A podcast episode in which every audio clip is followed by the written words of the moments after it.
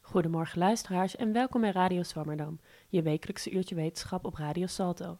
Mijn naam is Lianne Hoijmans en vandaag gaat de uitzending over de Zuid-Afrikaanse taal en cultuur.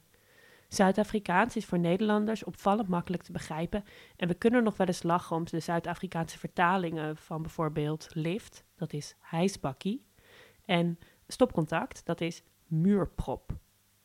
Dat de Zuid-Afrikaanse taal innig is verweven met de koloniale geschiedenis van het gebied, dat mag geen verrassing zijn. Maar wat betekent dit voor het gebruik van de taal, de literatuur en de identiteit van de Afrikaners? En bestaat er een toekomst voor deze taal in het moderne Zuid-Afrika na de apartheid? Daarover en meer gaan we het vandaag hebben in de uitzending. Daarvoor is bij ons de gast Tony Bandhoff, promovendus aan de Universiteit van Zagreb, afdeling Nederlandistiek, waar hij onderzoek doet naar de Zuid-Afrikaanse auteur Karel Skoeman en zijn historische romans. Welkom Tony. Hey, uh, hoi Lianne, uh, bedankt voor de uitnodiging. Uh, en verder gaan we vandaag ook in de tweede helft van de uitzending luisteren naar de reportage Zuid-Afrika aan de gracht over het Zuid-Afrika-huis in Amsterdam. In deze reportage bezoeken uitredacteur Bouke Kok en ik het Zuid-Afrika-huis, het cultuur- en kenniscentrum van Zuid-Afrika in de Lage Landen. Uh, Tony, uh, jij zit in Zagreb. Uh, ben je wel eens in Amsterdam geweest en in het Zuid-Afrika-huis? Nou, uh, uh, goed dat je dat vraagt, want uh, ik krijg die vraag geregeld van, van vrienden en mensen die in Nederland wonen. Maar in Amsterdam ben ik wel een paar keer geweest en ik weet waar het Zuid-Afrika-huis ligt. Maar vanwege de, de, hele omstandigheden van nu en ook globaal zijn mijn bezoek aan Nederland in de afgelopen twee jaar eigenlijk digitaal verlopen. Dat is jammer. Weet je eigenlijk of er ook nog andere plekken zijn, zoals het Zuid-Afrika-huis? In de rest van uh, de wereld? Zeg maar, is er in Zagreb ook zoiets als een cultureel centrum voor Zuid-Afrikaanse cultuur? Helaas niet. Uh, ik uh, ben, voorlopig ben ik eigenlijk naar mijn weten de enige die zich bezighoudt daarmee. En ik ben echt gewoon een, een uitgezonderde stem hier in Zagreb die Afrikaans proberen te praten. Te weinig voor een heel cultureel centrum, helaas. Ja. Uh, ja, Tony, jij promoveert uh, nu op de Zuid-Afrikaanse auteur Karel Skoeman. Dat schrijf je met een sch, maar je zegt sk, heb ik uh, ja. net in ons voorgesprek ge geleerd. Ja. maar je bent van origine dus Kroatisch. waarom besloot je Nederlands en Zuid-Afrikaans te gaan studeren? Nou, uh, dat is ook een uh, uh, lang en, en grappig verhaal, moet ik ook zeggen. Want toen ik nog 18 was, had ik eigenlijk geen duidelijk idee wat ik wilde studeren. maar ik had wel een soort idee dat ik een, een, een, vreemde of een onbekende taal wil leren. En toen kwam ik naar de, naar de faculteit en daar hebben, hadden ze eigenlijk voor het eerst in de geschiedenis van de faculteit in het aanbod Nederlands staan. Nou, uh, dat uh, leek me uh, op dat moment, in 2008, als iets nou, volkomen exotisch. Dus ik heb voor het Nederlands gekozen.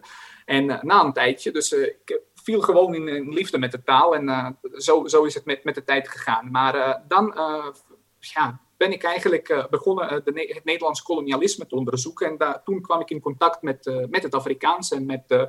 Um, zo, uh, de taal die, die uh, daar wordt gesproken en de contacten tussen het Nederlands en het Afrikaans. En zo is het gegaan. Maar ik had helaas niemand die me, die me daar, daar zou, zou kunnen helpen in Zagreb. Dat waren allemaal mensen die zich bezighielden met de Nederlandse cultuur, taal en literatuur. Dus ik ben zelf het onderzoek begonnen naar het Afrikaans.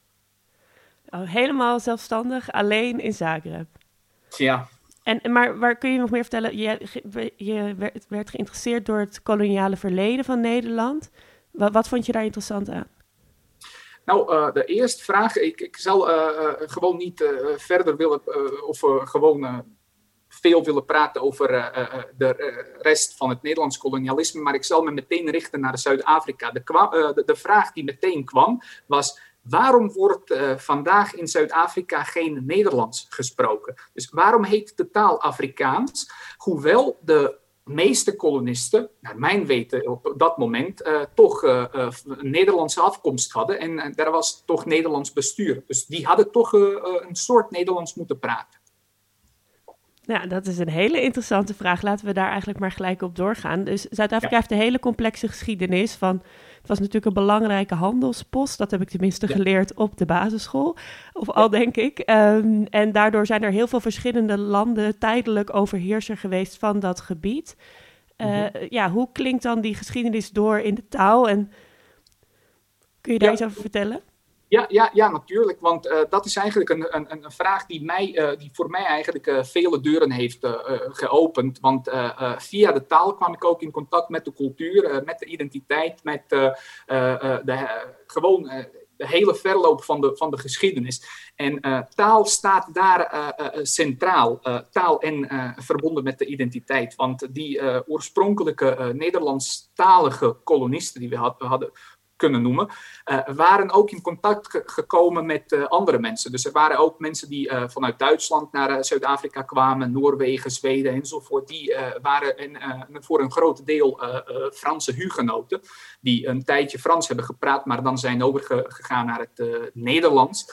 En, maar daar is het verhaal nog niet afgelopen, want die mensen hadden ook uh, zijn in contact gekomen met uh, die uh, Khoi-Khoi-stammen, die door dat gebied van Zuid-Afrika een hele geschiedenis lang hebben gewoond. En ook met slaven die ze hebben geïmporteerd uit Madagaskar of wat is het, Zimbabwe enzovoort, Mozambique, die zijn daar gekomen. En al die mensen, er, wa het, wa het, was een overvloed, ik zeg het heel, nu heel, heel vlak, maar een overvloed van mensen die Nederlands hebben geprobeerd om te praten. En uh, soms hebben ze gefaald, want heel veel van, de, van het Nederlands dat wij vandaag uh, pratende zijn voor, uh, of de regels zijn voor anderstaligen nogal moeilijk. En zo is het dat aparte, een, aparte geschiedenis ontstaan van een zeg maar standaard Nederlands dat in Nederland wordt gesproken en door de hogere laag of de hogere klasse van de bestuurders van de VOC en een, een, een, een, taal of een jargon dat gebaseerd was op het Nederlands. En zo is die geschiedenis in beweging gekomen. Nou, dat is, dat, is, dat is heel interessant. En jij doet dus ook onderzoek naar de, de postkoloniale situatie in Zuid-Afrika en wat dat dan voor, of de postkoloniale literatuur ja. daarin. Um, wat onderzoek je dan precies? Waarom is dat interessant? Nou, uh, uh, om, om uh, dat te kunnen begrijpen, moet ik toch een paar dingen wel vooraf zeggen ter verduidelijking. Want nou, Zuid-Afrika had zo, een, een, soort koloniale situatie tot, tot het jaar 1994. Want nou, twee bevolkingsgroepen of, of twee talen stonden vooraan. en na, na, na de democratiseringsprocessen, die, die na het jaar 1994 zijn gekomen, uh, had uh, het Afrikaans, dus de taal uh, die daar wordt gesproken, een, een, nieuwe situatie ontmoet. Want daar stond het gelijk aan alle andere talen die daar wordt, worden gesproken. En het is een, een soort minderheidstaal geworden. Hoewel officieel, maar niet door iedereen gesproken. En het moet nu vechten ook met andere talen, maar voornamelijk met het Engels. En dus Engels uh, uh, was door de geschiedenis vanaf de 19e eeuw tot de dag van vandaag eigenlijk de grootste bedreiging, tussen aanhalingstekens uh, gezegd. Want um, Engels is, vertegenwoordigt ook een, een, taal met een rijke cultuur, een rijke geschiedenis enzovoort. En Engels bood eigenlijk voor heel veel mensen eigenlijk de toegang tot, tot, tot, tot, tot onderwijs en tot andere, andere dingen die belangrijk waren. Want, wat eerst waar, was, Zuid, was Zuid-Afrikaans de officiële taal van uh, Zuid-Afrika? Uh, sorry, kan je het de, de, de, eerder, eerder waren was Zuid-Afrikaans de officiële taal van Zuid-Afrika. Nou, was er nog andere taal? in, de, in, de, in de 20e eeuw zijn er twee officiële talen ingevoerd: Engels en het Afrikaans. Mm. En die stonden naast elkaar, maar Engel, Afrikaans had historisch gezien een grote um, wat is het eigenlijk, een groot nadeel, want het is ontstaan eigenlijk of gestandardiseerd aan het begin van de 20e eeuw. Dus het moet, moest eigenlijk die hele geschiedenis dat, het, dat het Engels bood en met zich mee heeft gebracht naar Zuid-Afrika inhalen. En daardoor is een sterke politieke articulatie gekomen. Nou, wij moeten institutioneel verzekeren dat het Afrikaans door de tijd op hetzelfde niveau komt. Dus er moest een aparte literatuur komen in het Afrikaans en ook een kwalitatieve. Uh, culturele instanties, muziekverenigingen enzovoort. Dus alles wat, wat de identiteit van de mensen die de taal praten kon articuleren.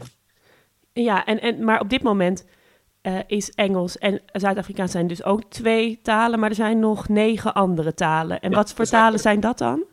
Nou, uh, al die kan, ik, kan ik ook niet, sommige kan ik ook niet onthouden, maar de, de grootste talen zijn Zulu, Kossa, wat is het, uh, als ik me niet vergis. Dus uh, al, uh, veel, veel inheemse talen die daar door een paar miljoen mensen worden, worden, worden gesproken. Maar het Engels is natuurlijk net als overal, net als in Nederland, net als in Kroatië, eigenlijk nog steeds het belangrijkste middel om je, om je, om je eigenlijk uit je, uit je afzonderlijke positie eigenlijk naar, omhoog te brengen. Ja, ja, want als ik het goed begrijp, dan zijn die, die inheemse talen, zoals het Zulu of iets dergelijks, daarvan was gedurende de 20e eeuw niet zo'n grote beweging dat mensen zeiden: hier moet literatuur overkomen, we gaan het standaardiseren, we gaan muziekverenigingen oprichten in het Zulu. Zeg maar, dat was alleen voor het Zuid-Afrikaans.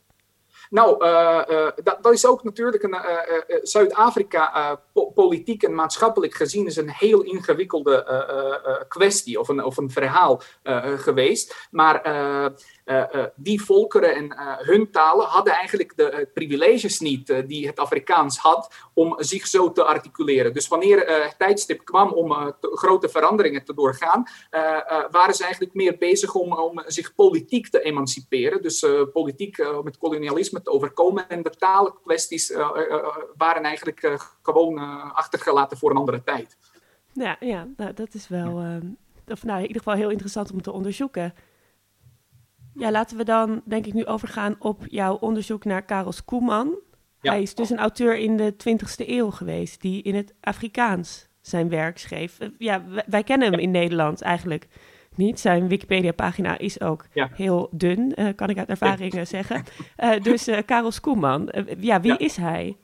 Ja, uh, nou, uh, om, uh, Karel Skoeman te introduceren, dat is ook een, um, heeft ook te maken met, met mijn zeg maar onderzoeksroute. en dat, dat heeft het gevolgd. Want toen ik bezig was met het onderzoeken en begrijpen van de taal en het ontstaan van, van het Afrikaans als een aparte taal naast het Nederlands, um, moest ik heel vaak eigenlijk verschillende bronnen, verschillende historische bronnen raadplegen die me die de situatie zouden verhelderen enzovoort, zodat ik kon begrijpen wie er eigenlijk eh, allemaal een rol heeft gespeeld, uh, wat was overgenomen, wat niet enzovoort. En toen kwam ik heel vaak op de naam Karel Skoeman, Karel Skoeman, die allerlei historische boeken heeft geschreven.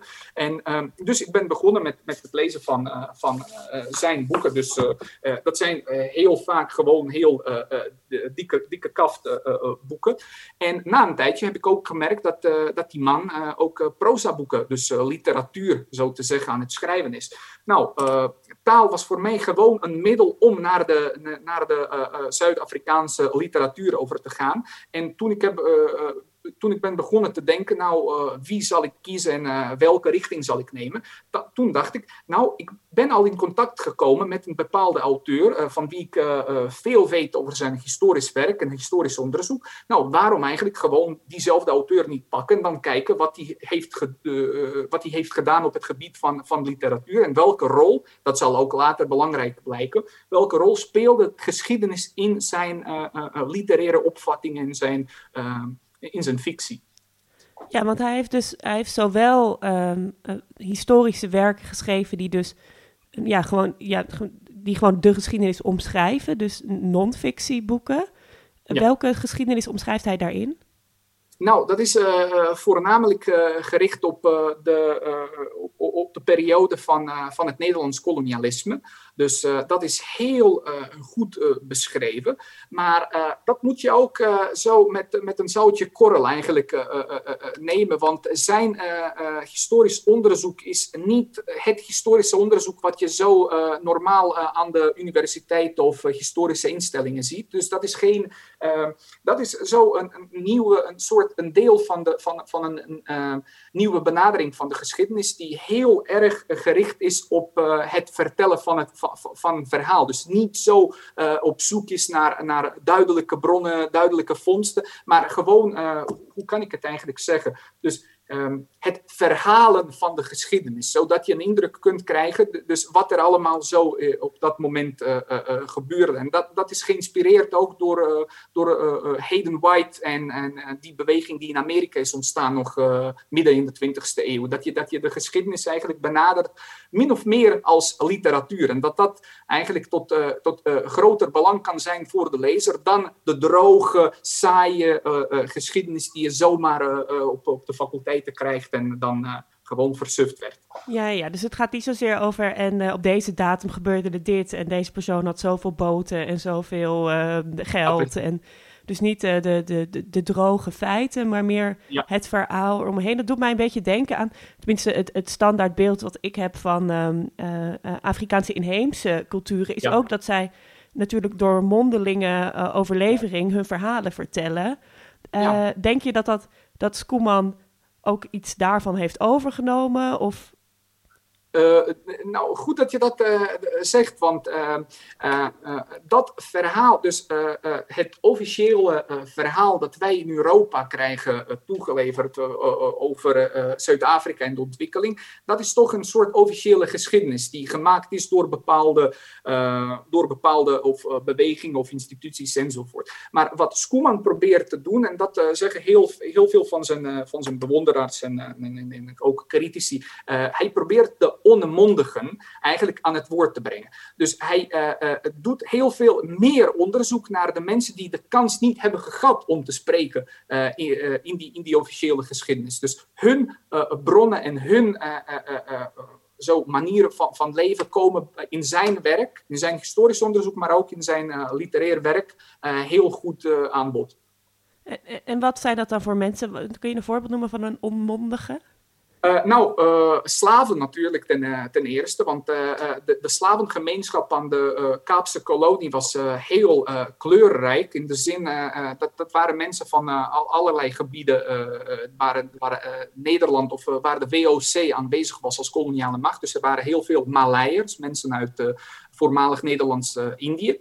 die, die zijn um, gebracht naar Zuid-Afrika, ook Madagaskar, ook India, waar de WOC een bepaalde, bepaalde posten had en, enzovoort. Dus van die hele gemeenschap is ook een nou, een hele rijke geschiedenis geweest. En die mensen zijn, uh, een gedeelte van die mensen heeft ook het uh, uh, moslimse geloof. Ze, ze, hebben het islam eigenlijk aangenomen. En dus voor die mensen was het Nederlands ook heel belangrijk om het islam te verspreiden.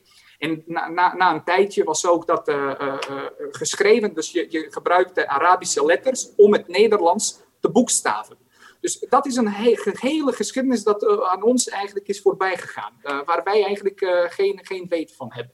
Nee, en, en, en Karel Skoeman heeft daar dus een histo historische werk over geschreven, over dat ja, proces. Ja, over, over nou, uh, niet, niet uh, alleen uh, daarover, maar over die hele.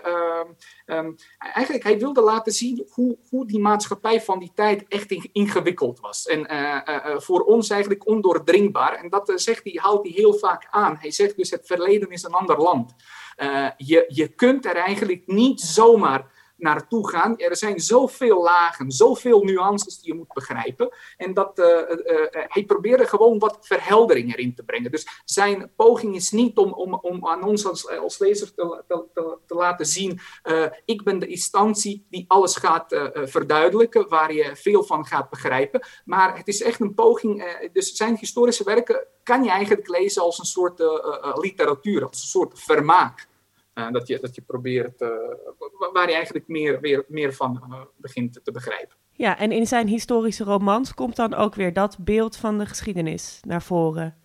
Ja, dus dat doorklinkt eigenlijk in zijn, uh, in zijn werken. Maar uh, om dat te, te, kunnen begrijpen, en uh, dat ben ik eigenlijk op dit moment aan het proberen. Dus ik probeer zoveel mogelijk te lezen, want ja, zo makkelijk naar Zuid-Afrika te reizen is het ook niet. maar het is um, gewoon dat hij heel veel van die inzichten die hij heeft gekregen, combineert met bepaalde, met bepaalde literaire tendensen en tradities die in de Afrikaanse literatuur aanwezig waren. Uh, uh, bijvoorbeeld, uh, een, een van de belangrijke literaire genres die, die daar zo belangrijk waren, was de zogenaamde plaasroman. Plaas is uh, eigenlijk uh, de uh, Afrikaanse benaming voor boerderij. Mm. Dus dat zijn verhalen die, die gevestigd zijn ergens op een afgezonderde boerderij, met de vader als, als het hoofd van, van de boerderij en alle andere slaven en, en helpers gewoon daaronder, enzovoort. En dus hij probeert daarmee te spelen, dat hij dus binnen dat kader, dus binnen dat wat je, hebt, wat je, wat je, wat je gewoon hebt aanvaard als normaal, uh, dat hij bepaalde stemmen laat doorklinken. Dus dat, de, dat die uh, koi koi, de, de, helpers beginnen te praten, dat je van hun geschiedenis iets krijgt enzovoort. Dus hij combineert de, de, traditionele literaire manieren met de historische inzichten die hij heeft gehad. En dat leidt, leidt volgens mij tot heel, tot een belangrijk spel met de gevestigde orde binnen de Zuid-Afrikaanse uh, literatuur. Die tot, tot, ja, tot het jaar 1994 zo leidend was. Ja, ja want in die, in die eerdere plaatsromans, daar, daar sprak alleen zeg maar, de witte Afrikaner. En dat was een vrij koloniale insteek, waarbij dan de zwarte Afrikanen hulpers waren die niks, die niks zeiden, zeg maar. Ja, want uh, dus dat, uh, gewoon, uh, dus die, die van wat ik ook begrijp, diende tijdens of door de, door de gehele 20e eeuw als een soort opvoedingsgenre voor heel veel Afrikaners. Dus hoe, de, hoe de wereld functioneerde, wat, wat, wat, wat ze moesten doen, welke waarden er heel, heel hoog aan stonden. En er werd heel vaak een soort contrast gemaakt tussen mensen die dat niet doen. En die mensen die dat niet doen of een verkeerde manier doen, zijn ook uh, heel vaak van een andere kleur. En uh, ja, dat zegt heel veel over uh, het gebruik daarvan. Ja, ja, misschien is het nu leuk dat je een stukje voorleest van Skoeman, zodat de, de, luisteraar en een beetje wordt blootgesteld aan het Afrikaans. En ook aan de manier waarop hij de geschiedenis benadert. Heel, heel graag. Dus ik ga, ik ga een, een stukje voorlezen uit het begin van zijn eigenlijk zijn laatste roman of een studie tot een roman. Uh, de, de, roman heet Skepelingen. In uh, vertaling dus Schepelingen. Uh, aanloop tot een roman. dat is verschenen net na zijn dood. En dus dat, dit, dit stukje zegt heel veel over hoe hij geschiedenis ervaart. Dus hoe, hoe, hoe geschiedenis eigenlijk tot, tot hem doordringt. Nou. Ik weet, want ik was daar ik heb dit gezien, gehoord. Die kisten wat aan boord komt, die bemanning wat aan boord komt, die houtwerk, die touwwerk, die deining van die groot vaartuig, die gevloek en geschreeuw, die gekraak van hout, die skielijke stiltes, die zeilen roerloos, die hitte en benauwdheid van die oorloopdek in die nacht, die stilte onderbreekt door die gemompel of geschreeuw van mans in hul slaap. En dan gaat het over naar de uh, opvatting van de wat zou de uh, uh, Zuid-Afrikaanse koloniale geschiedenis eruit zien, was daar heel veel geïmporteerd uit Nederland. Maar dit is een, eigenlijk een cynische, cynische manier van, van, van kijken. dit zou zo mooi kunnen geweest zijn. Daar is stichting, daar is volksplanting en Kaap die goede hoop. Dit kon zo mooi geweest zijn als vrucht van een Europese barokcultuur op zijn hoogtepunt. Doch mens leven niet in die theorie niet, maar in die harde werkelijkheid. En die werkelijkheid, wat hier ter sprake is, is niet bevolkt door idealisten, filantropen en kunstenaars niet, maar beperkte en feilbare mensen, handelsmaatschappijen, wat beslissings voor eigen winst en voordeel. Zakenmannen van uh, wie tijdgenoten beweergeeft dat hulle God zelf zou verkopen als hulle zeker was dat hulle hem zou kan leveren. En die werklozen, hopelozes en avonturiers wat bereid was om voor hulle te werken. Die kolonie, wat hier tot stand gekomen is, heeft een ander karakter aangeneem, waarin schilderkunst, dichtkunst en muziek geen beduidende rol gespeeld heeft. Mooi. En nog een laatste uh, stukje over uh, uh, zijn volledige kijk. Wat ik wil weet, onthoud ik. Echo's, herinnerings, oude aanhalings. Vreemd genoeg is dit bovenal frases uit gedichten wat vandaag bij mij opkomt. Werken waaraan ik in geen jaren het niet uit boeken wat ik jarenlang in heb. En dikwijls frases waarvan die toepasselijkheid niet onmiddellijk voor mij duidelijk is. Niet. Het is heel mooi. Het is ook heel poëtisch. Op er zit een heel fijn ritme in zijn taalgebruik, vind ik dan in ieder geval.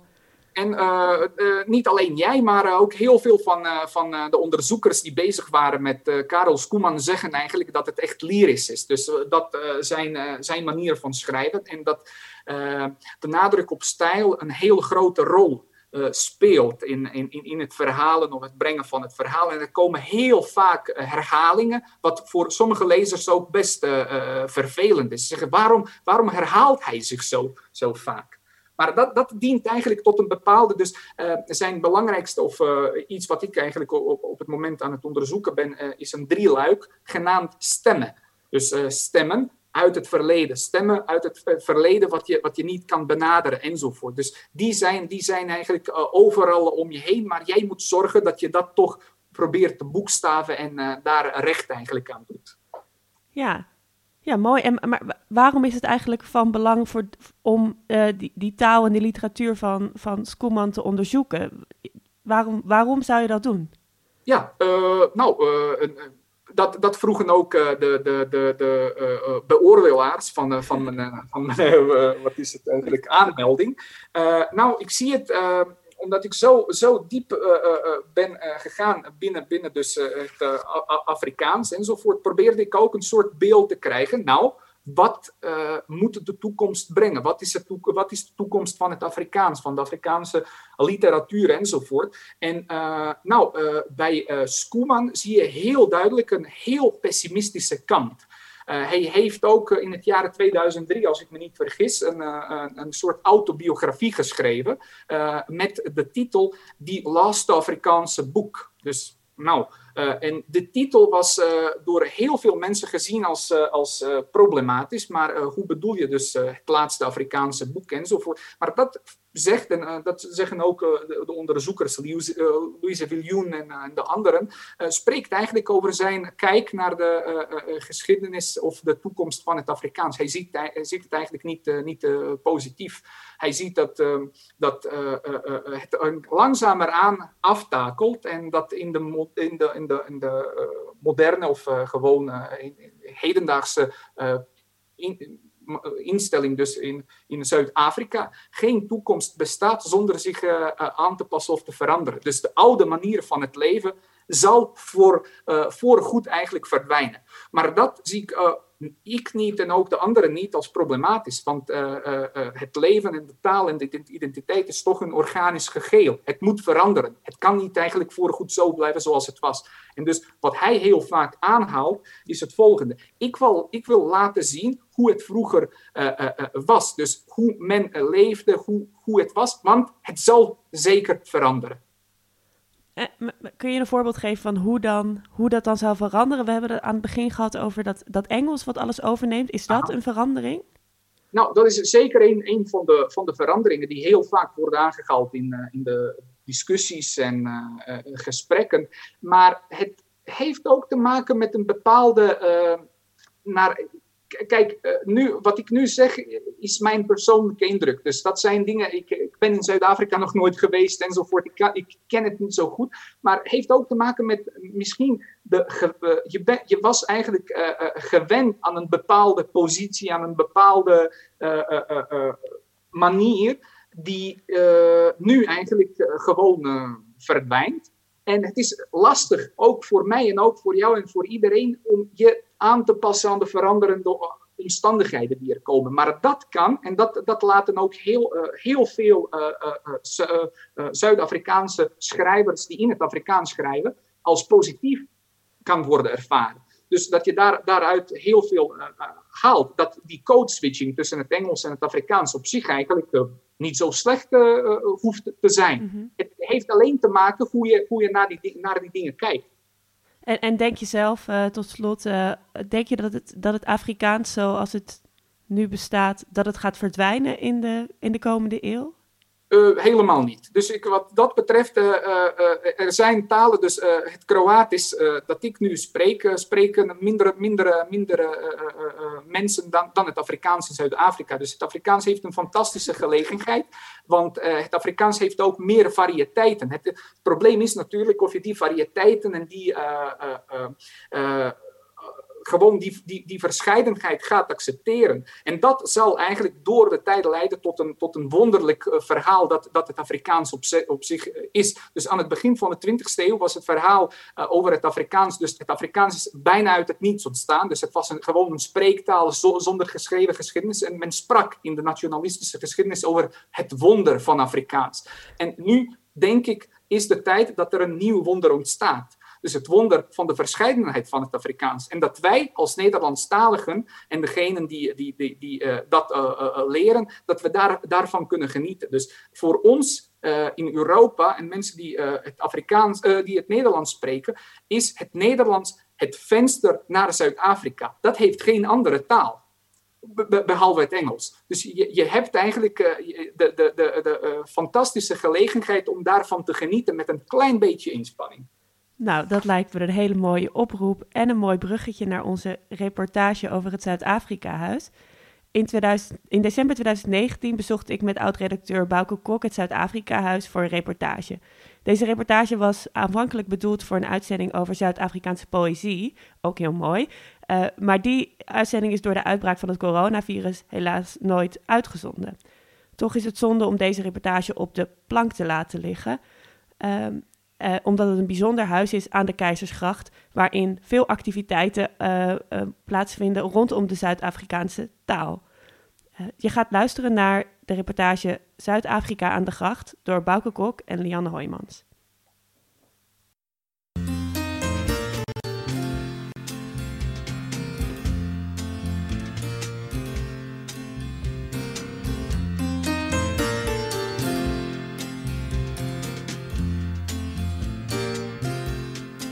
Zijn we nu? In het Zuid-Afrika-huis. Het is een heel mooi gebouw uh, aan de Keizersgracht. Uh, van de buitenkant zie je dit niet zo snel. Uh, maar het is een prachtig, echt prachtig koopmanshuis. En we zijn nu op de begane grond. in een voorkamer met een heel mooi gedecoreerd plafond. Bouke en ik zijn dus in het Zuid-Afrika-huis. Het cultuur- en kenniscentrum over Zuid-Afrika in de Lage Landen. Vanavond is er een avond van een jonge kunstenares die zich heeft laten inspireren door de Zuid-Afrikaanse taal. Maar wij komen voor Bart de Graaf, historicus, documentairemaker en schrijver met een bijzondere belangstelling voor Zuid-Afrika. Hij zal ons vanavond rondleiden in het huis en meer vertellen over de Zuid-Afrikaanse taal. Hij begint met de geschiedenis van het Zuid-Afrika-huis. Dit is dus het, uh, het Zuid-Afrika-huis. Uh, dit is in 1921 aangekocht door de stichting Zassen. En uh, toen heette het huis de Dubbele Arend. En dat was gewoon een Amsterdamse koopmanshuis natuurlijk, met een voorhuis en een achterhuis waar we nu zitten. Uh, de stichting Zassen is voortgekomen uit de Nederlandse Zuid-Afrikaanse spoorwegmaatschappij. Daar zie je een melkbus daarvan, een soort collectebus. En die is opgericht uh, in de jaren 80 van de 19e eeuw, toen president Paul Kruger uh, de baas was in de Zuid-Afrikaanse Republiek. Dat was Transvaal eigenlijk. Daarom hangt zijn portret hier ook. Hij is dus in zekere zin, uh, hij gaf namelijk een, een, een concessie aan de Nederlandse Zuid-Afrikaanse spoorwegmaatschappij om alle spoorwegen in zijn land aan te leggen. En dat deed de NZASM dus ook. En op een gegeven moment ontstond er een heel Hollanderbolwerk in de toenmalige Transvaal. Van wel 6000 mensen of zoiets. En de Transvaal? De Transvaal is uh, wat tegenwoordig de provincies Gauteng, Limpopo, Mpumalanga zijn. Oké. Okay. Dus maar echt het, noordelijke deel van het, van het huidige Zuid-Afrika met als hoofdstad Pretoria en als belangrijkste stad Johannesburg. Nou, daar legden de Nederlanders dan de spoorwegen aan, onder meer naar wat nu Maputo is in uh, Mozambique, toen nog Lorenzo Marques geheten. En, uh, maar ja, toen brak op een gegeven moment de Anglo-Boerenoorlog uit, 1899, tussen aan de ene kant Engeland en aan de andere kant twee onafhankelijke boerenrepublieken. De Zuid-Afrikaanse Republiek in de wandeling Transvaal en de Oranje Vrijstaat. 1902 liep die oorlog af, maar ondertussen hadden de Britten hadden alle bezittingen van de spoorwegmaatschappij hadden ze genationaliseerd of genaast, zoals dat dan zo mooi heet. En in 1909 ehm, heeft de, de, directie van die voormalige spoorwegmaatschappij een schikking uh, gesloten met Londen, waar ze ruim een miljoen gulden destijds nog uh, uitkregen, 1,1 miljoen. Ja goed, men zat dus met het probleem, dan heb je een miljoen, uh, wat doe je ermee? He, verdelen onder oud-werknemers, en dan komen ook allerlei schuldeisers op af, weet ik veel wat. Dus toen besloot de, de, directie van de NZASM om onder een ander acroniem, ZASM, Zuid-Afrikaanse Stichting Moederland, door te gaan als een culturele organisatie. Om zeg maar vanuit zelf wel op de achtergrond te blijven, maar bijvoorbeeld uh, geld te steken in Nederlands onderwijs in Zuid-Afrika, in studiefonds voor Zuid-Afrikaanse studenten. Uh, er werd ook een fonds opgericht voor mensen die uh, weduwe of wezen waren van oud NZASM, spoorwegwerkers, dat soort dingen. En in de tussentijd werd via een, een frontorganisatie, de Nederlandse Afrikaanse Vereniging, um, werd dus reclame gemaakt voor Zuid-Afrika om het Hollandse element. En het was eigenlijk een soort erfgoed. Het Hollandse erfgoed in Zuid-Afrika moest beschermd worden en zoveel mogelijk versterkt worden. Nou, dat is uh, bijna de hele 20e eh, eeuw zo, zo geweest, tot een aantal jaren terug. Het beschermen van het Hollands erfgoed in Zuid-Afrika. Tja, hoewel dat in het begin van de 20e eeuw misschien nog een nobel doel leek, veranderden de politieke en sociale verhoudingen in de loop van de eeuw flink. Zo werd op 19 januari 1984 het Zuid-Afrika-huis bestormd door anti-apartheid-activisten. Honderden boeken werden uit de bibliotheek gehaald en door de activisten in de keizersgracht gegooid. Ook werd het Zuid-Afrika-huis van binnen en buiten met verf beklad. De schade, ook aan de boeken, is inmiddels grotendeels hersteld. Toch vragen we Bart de Graaf, nog snel vlak voor de aanvang van het programma, wat de positie van het Zuid-Afrika-huis was ten tijde van de apartheid en hoe daar nu tegen wordt aangekeken.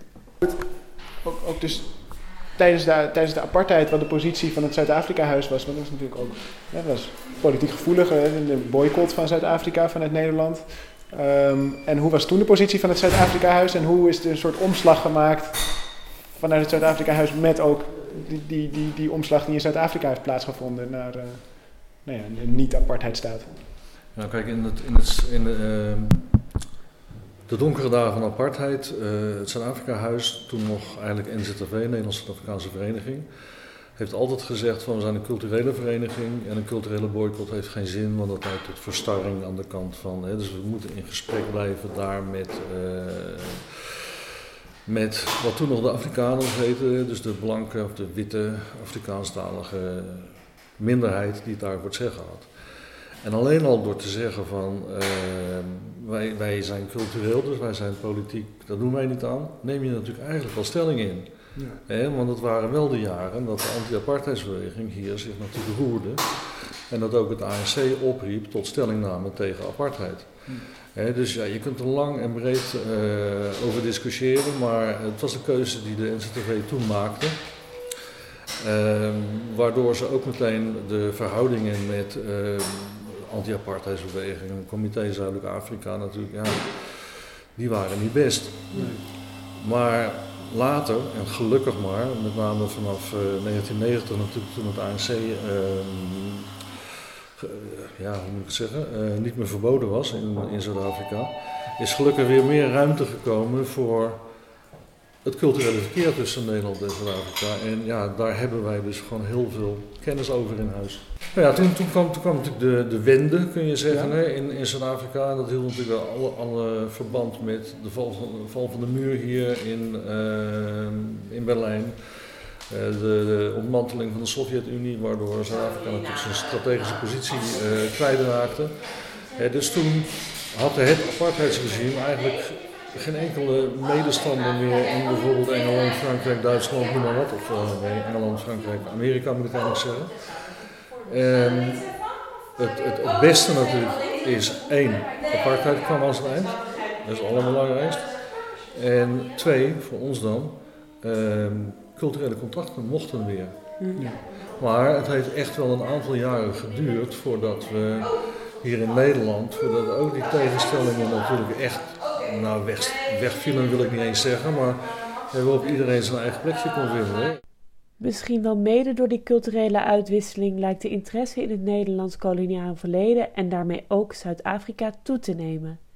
Ik vraag Bart of ze dit bij het Zuid-Afrika-huis ook merken. Ja, enerzijds wel. Uh, je, je, moet, je moet erbij bedenken dat uh, de meeste Nederlanders nu natuurlijk Zuid-Afrika kennen als vakantieland. Dat, uh, dus dat is een soort toeristische belangstelling.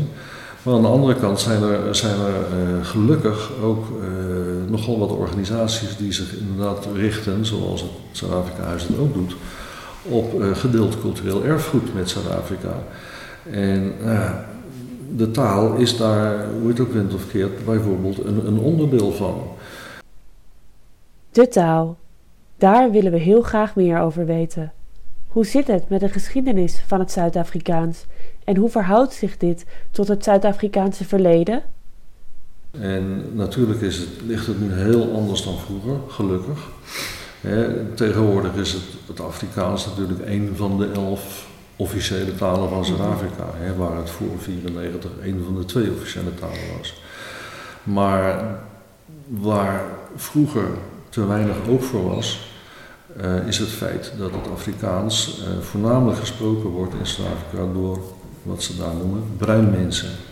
Dus niet witte mensen, maar bruine mensen. En dan met name inheemse bruine mensen. Dan heb je het over de, de kooikoin, die vroeger door, onze, door de Hollandse kolonisten denigerend Hottentotten werden genoemd. Nou, daar zijn nog stammen van Korana, Griekwa, eh, Nama in het binnenland. En die hebben, eh, in ieder geval de Griekwa en Korana, hebben Afrikaans als moedertaal, want hun eigen taal is verdwenen in de loop van de, van de eeuwen, zal maar zeggen.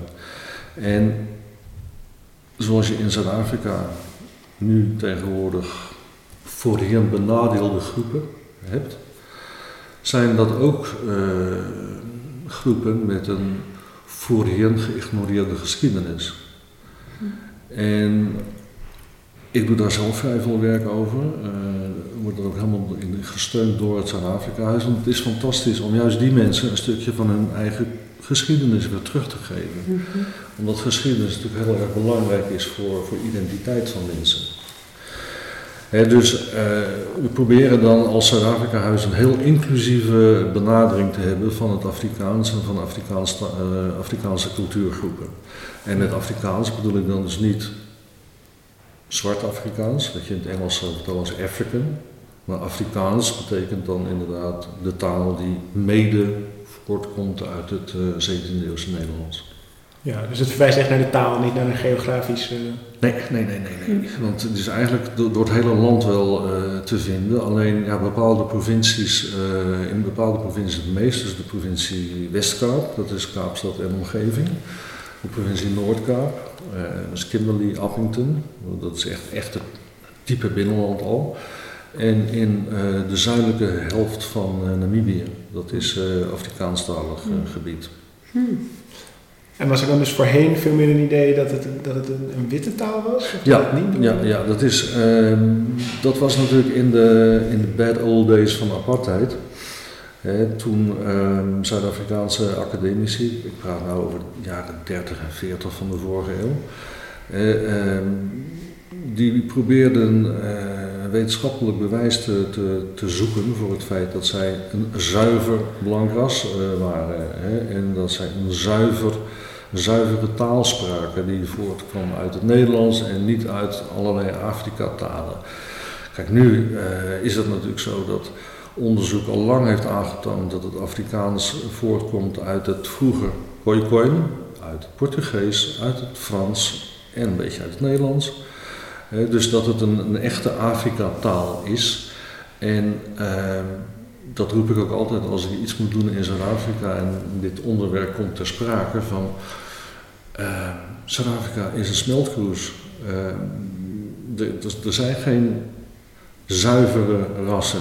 Hè? En dat merk je ook wel als je uh, op het platteland bent en je praat bijvoorbeeld met mensen uh, die zichzelf Korana noemen. En dan zeggen ze niet onze zuiver Korana. Korana? Korana. Uh, dat is een van die koi-koi-stammen. Okay. En, maar goed, dan weet ik toevallig dat veel van die Korana-stammen in de, in de 19e eeuw, die hadden gewoon vrij veel blanke inkommers. dus dat waren ook, ik bedoel. Dus, dus ja, ik denk dat je, dat je in, in Zuid-Afrika, je kunt niet praten van een zuiver wit ras, je kunt niet praten van een zuiver bruin ras, je kunt niet praten van een zuiver zwart ras. Dat is, uh, en dat is ook het mooie ervan. daaruit is natuurlijk in principe die regenboognatie idee voortgekomen. Alhoewel ik nu uh, tijdens mijn laatste bezoek aan, aan Zuid-Afrika, dat is nog maar kort geleden, het werd ik op de vingers getikt door iemand uit, uit Kimberley, een archeoloog notabene. Die die zei, je moet niet praten over een regenboognatie, want het kenmerk van een regenboog is, je ziet zo en zoveel kleuren, maar die mengen nooit. Hmm. Dus hij zegt, je moet eigenlijk praten over a confluence of cultures, een samenvloeiing van culturen. En toen dacht ik, ja, Verrek heeft gewoon gelijk. Natuurlijk. Hij had het ook niet van zichzelf om, ik zou het ergens gelezen. Maar, um, en, en dan kun je dus inderdaad heel goed zien dat uh, met name de, de, die bruin mensen op, op het platteland, dat die eigenlijk altijd heel open uh, waren voor het opnemen van allerlei andere ja, mensen, andere, andere volkeren. En, en ja, dat het dus inderdaad een samenvloeisel was van verschillende culturen. Dus dat je een, nou laten we het maar kortom gewoon een culturele smeltkroes noemen. En dat is de Afrikaans ook. Als je, als je die taal goed, uh, goed leest natuurlijk. Je ziet er heel duidelijk uh, Nederlandse invloeden in, maar er zijn ook heel veel anderstalige invloeden uh, aan te wijzen. Een culturele smeltkroes. Dat is Zuid-Afrika en de Zuid-Afrikaanse taal. Het Zuid-Afrika-huis heeft zichzelf tot doel gesteld de bekendheid van de taal, cultuur en geschiedenis van Zuid-Afrika te vergroten, met oog voor inclusiviteit en diversiteit. Dat doen zij middels lezingen, een leerstoel en de grote trots van het huis, de bibliotheek. Bart vertelt. Dit hele pand en met zijn enorme archief, want we hebben een archief van uh, tientallen meters, dat de, de, hele periode van 1880 beslaat. Maar wat nog belangrijker is, uh, en dat mag echt wel het kroonstuk of het pronkstuk van dit huis genoemd worden, is een bibliotheek. op het hele noordelijk halfrond is geen bibliotheek te vinden die meer over Zuid-Afrika heeft dan wij hier een bibliotheek hebben. Dus als je zegt van ik wist niet dat het er was. meer dan 50.000 titels, maar dat durf ik niet precies mijn hand in het vuur te steken. De bibliothecaris is nu al weg. Maar het is in ieder geval de grootste bibliotheek over Zuid-Afrika, buiten Zuid-Afrika. Is dat in de loop van de tijd verzameld of is dat op ja, een gegeven ja, moment? Ja, ja. Het is begonnen geloof ik eerst onder de naam van uh, Zuid-Afrikaanse boekerij of zo. Ik ben niet helemaal zeker van dat stuk van de geschiedenis. Maar eh, tot op de dag van vandaag sturen de uh, Zuid-Afrikaanse uitgevers, als Afrikaanse boeken uitgeven, soms ook wel Engelse boeken, ehm, sturen ze dan presentexemplaren hier naar de, naar de bibliotheek. Dus het blijft groeien en het blijft groeien. En in vroegere jaren toen werden ook krantenknipsels bijgehouden, knipselarchief, al dat soort. Maar ja, nu ja. wordt er natuurlijk toch veel meer overgegaan. Uh, Kijk, je kunt de Zuid-Afrikaanse kranten, eh, je kunt heel veel dagbladen gewoon uh, op internet raadplegen. Dus vaak zelfs zonder daarvoor te hoeven betalen. Dus ja, dat is toch natuurlijk allemaal een stuk eh, anders geworden. Alleen voor studenten, voor iedereen hier die iets met Zuid-Afrika wil, ja, misschien niet op toeristisch gebied. Eh, dat is nou, eh, denk ik, een soort lacune nog erin. Maar wetenschappelijke boeken over Zuid-Afrika, dan met name letterkunde, dat heeft een heel belangrijke letterkundige component. Ja, dan, eh, dat zijn ook de, de mensen die de bibliotheek het meest raadplegen, studenten. En Komen die vooral uit Amsterdam of komen die ook echt uit alle delen van Europa hier naartoe om... eh, alle delen van Europa, dat, dat, dat, dat durf ik nu even niet te zeggen. Want eh, zelf heb ik daar niet, niet zo'n zicht op natuurlijk. Maar het probleem is natuurlijk wel dat als je... eh, Er zal vast wel eens een Spanjaard komen hoor, hier. Ja. Dat stel ik me zo voor. Maar ehm, die mensen die lezen natuurlijk over het algemeen geen Afrikaans. Bouke en ik worden vervolgens rondgeleid door de bibliotheek op de eerste verdieping van het pand. Nou, hier heb je de bibliotheek, dus de studiezaal. Daar wordt vanavond eh, Afrikaanse conversatieles gegeven. Kijk, ehm, in de tijd dat ik hier nog heel veel kwam, toen eh, stond de, stond, overal stonden boeken. Ja, dat kan je voorstellen als er meer dan 50.000 zijn. En nu is dat veel minder, dus nu moeten ze van, van eh, zolder gehaald worden of waar dan ook. Eh, door de bibliothecaris. Eh, dus er staat hier maar een kleine selectie. Maar ehm, hier staan in ieder geval naslagboe- naslagwerken. Dus als je wilt beginnen, maar ook niet, niet alleen voor studenten, zoals middelbare scho- scholieren, kunnen hier natuurlijk voor een eindexamen werkstuk Ja. zo terecht. En dit is dan een tafel, daar komen dan vanavond dus nog leerlingen Afrikaans eh, met elkaar in het Afrikaans praten. Ja, ik weet niet hoeveel het er nu precies zijn. Eh, dat, dat scheelt eh, ja, per maand, denk ik. Ik geloof dat het gaat in blokken van, van zes weken. Dus één keer per week dan. En, ehm, kijk, het belangrijkste is voor een, voor een Nederlander natuurlijk ehm, om zich de uitspraak een beetje eigen te maken. Dus je praat niet over een oog in het Afrikaans, je praat over een oog. En Ja. een neus is een neus. En een oor is een oor. Maar een arm is weer een arm. Maar er is dus, oh, ik dacht, er is misschien veel klinkerverdraaiing dan, maar dat is dus, of een andere manier van de klinkers uitspreken, maar dat is dus niet altijd zo. Nee, nou, een, een been is een bien. Hmm. Dus het is eigenlijk meestal wel zo. Ja. Eh, in een aantal, eh, ja, de buik is de buik en de rug is de rug. Dus dat, dat maakt allemaal niet zo gek veel uit. Maar ehm, ja, het zinkt meer, het gaat meer op en neer. En, ehm, en dan heb je natuurlijk de, de dubbele ontkenning aan het einde van elke zin. Hè, dus ehm, dat is niet iemand hier niet. Dat, dat, Hm. ja, dat zijn van die dingen die. eh, ja, ik ben er groot mee geworden. En, ehm, dus ja, wat dat betreft is het niet zo'n probleem. Maar als je, je zit echt. Nou, jullie hebben de ideale leeftijd om het aan te leren. Oh, dus we hebben Ja. eigenlijk Ja. ons allemaal opgegeven voor de... je. Ja, Eén keer in de zes weken kun je dus starten met eh, basis. eh, nee, eigenlijk moet je er gewoon naartoe. Kijk, ik ben er ook gewoon naartoe gegaan. Omdat dat, eh, ja, ik vond het interessant. En, ja. En, en ja, en omdat je bronnen allemaal in Afrikaans zijn, en dat was natuurlijk toen in, in wanneer was ik er, 82 denk ik, ja 82. En ehm, heel veel mensen verstonden gewoon het Nederlands niet. Hè, en dan denk je, ja, wat stom, want ik bedoel, als je, als je maar langzaam praat, dan, dan moet je het kunnen verstaan. Veel mensen namen die moeite ook niet. Hmm. Dus, en als je dan in een omgeving zi- zit waar helemaal geen andere Nederlanders zijn, ja, dan ga je het vanzelf praten. Ja. Hè, maar als je met twee of drie andere Nederlanders zit, dan doe je het niet zo gauw, denk ik. Het is echt een kwestie van, van moeten. Dan komt toevallig net de docent binnen die vanavond haar cursus geeft. En krijgen we ook nog een mooi staaltje Afrikaans mee. Hallo. Hallo. Kan jij misschien even uitleggen van hoeveel mensen er vanavond komen en wat jij die mensen gaat leren? Wat vanavond? Mhm. Eh, mijn klas is daar. Als allemaal komen ze ongeveer tien. Schoolboy.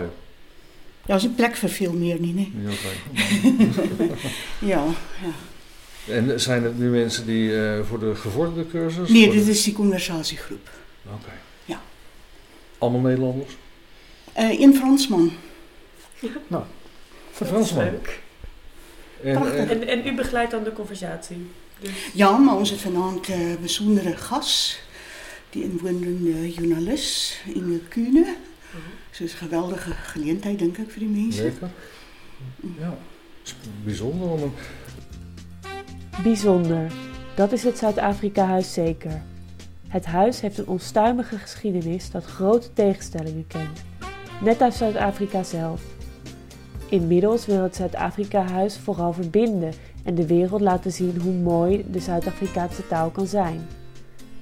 Met haar grootste collectie Zuid-Afrikaanse boeken en de taalkursussen op alle niveaus trekt ze studenten aan vanuit heel Europa. En dan hebben we het nog niet eens gehad over de Journalist in Residency en de leerstoel aan de Universiteit van Amsterdam. Wil je meer weten over de geschiedenis, cultuur en taal van Zuid-Afrika, dan is dit dé plek. En dat gewoon aan de Keizersgracht, nummer 141.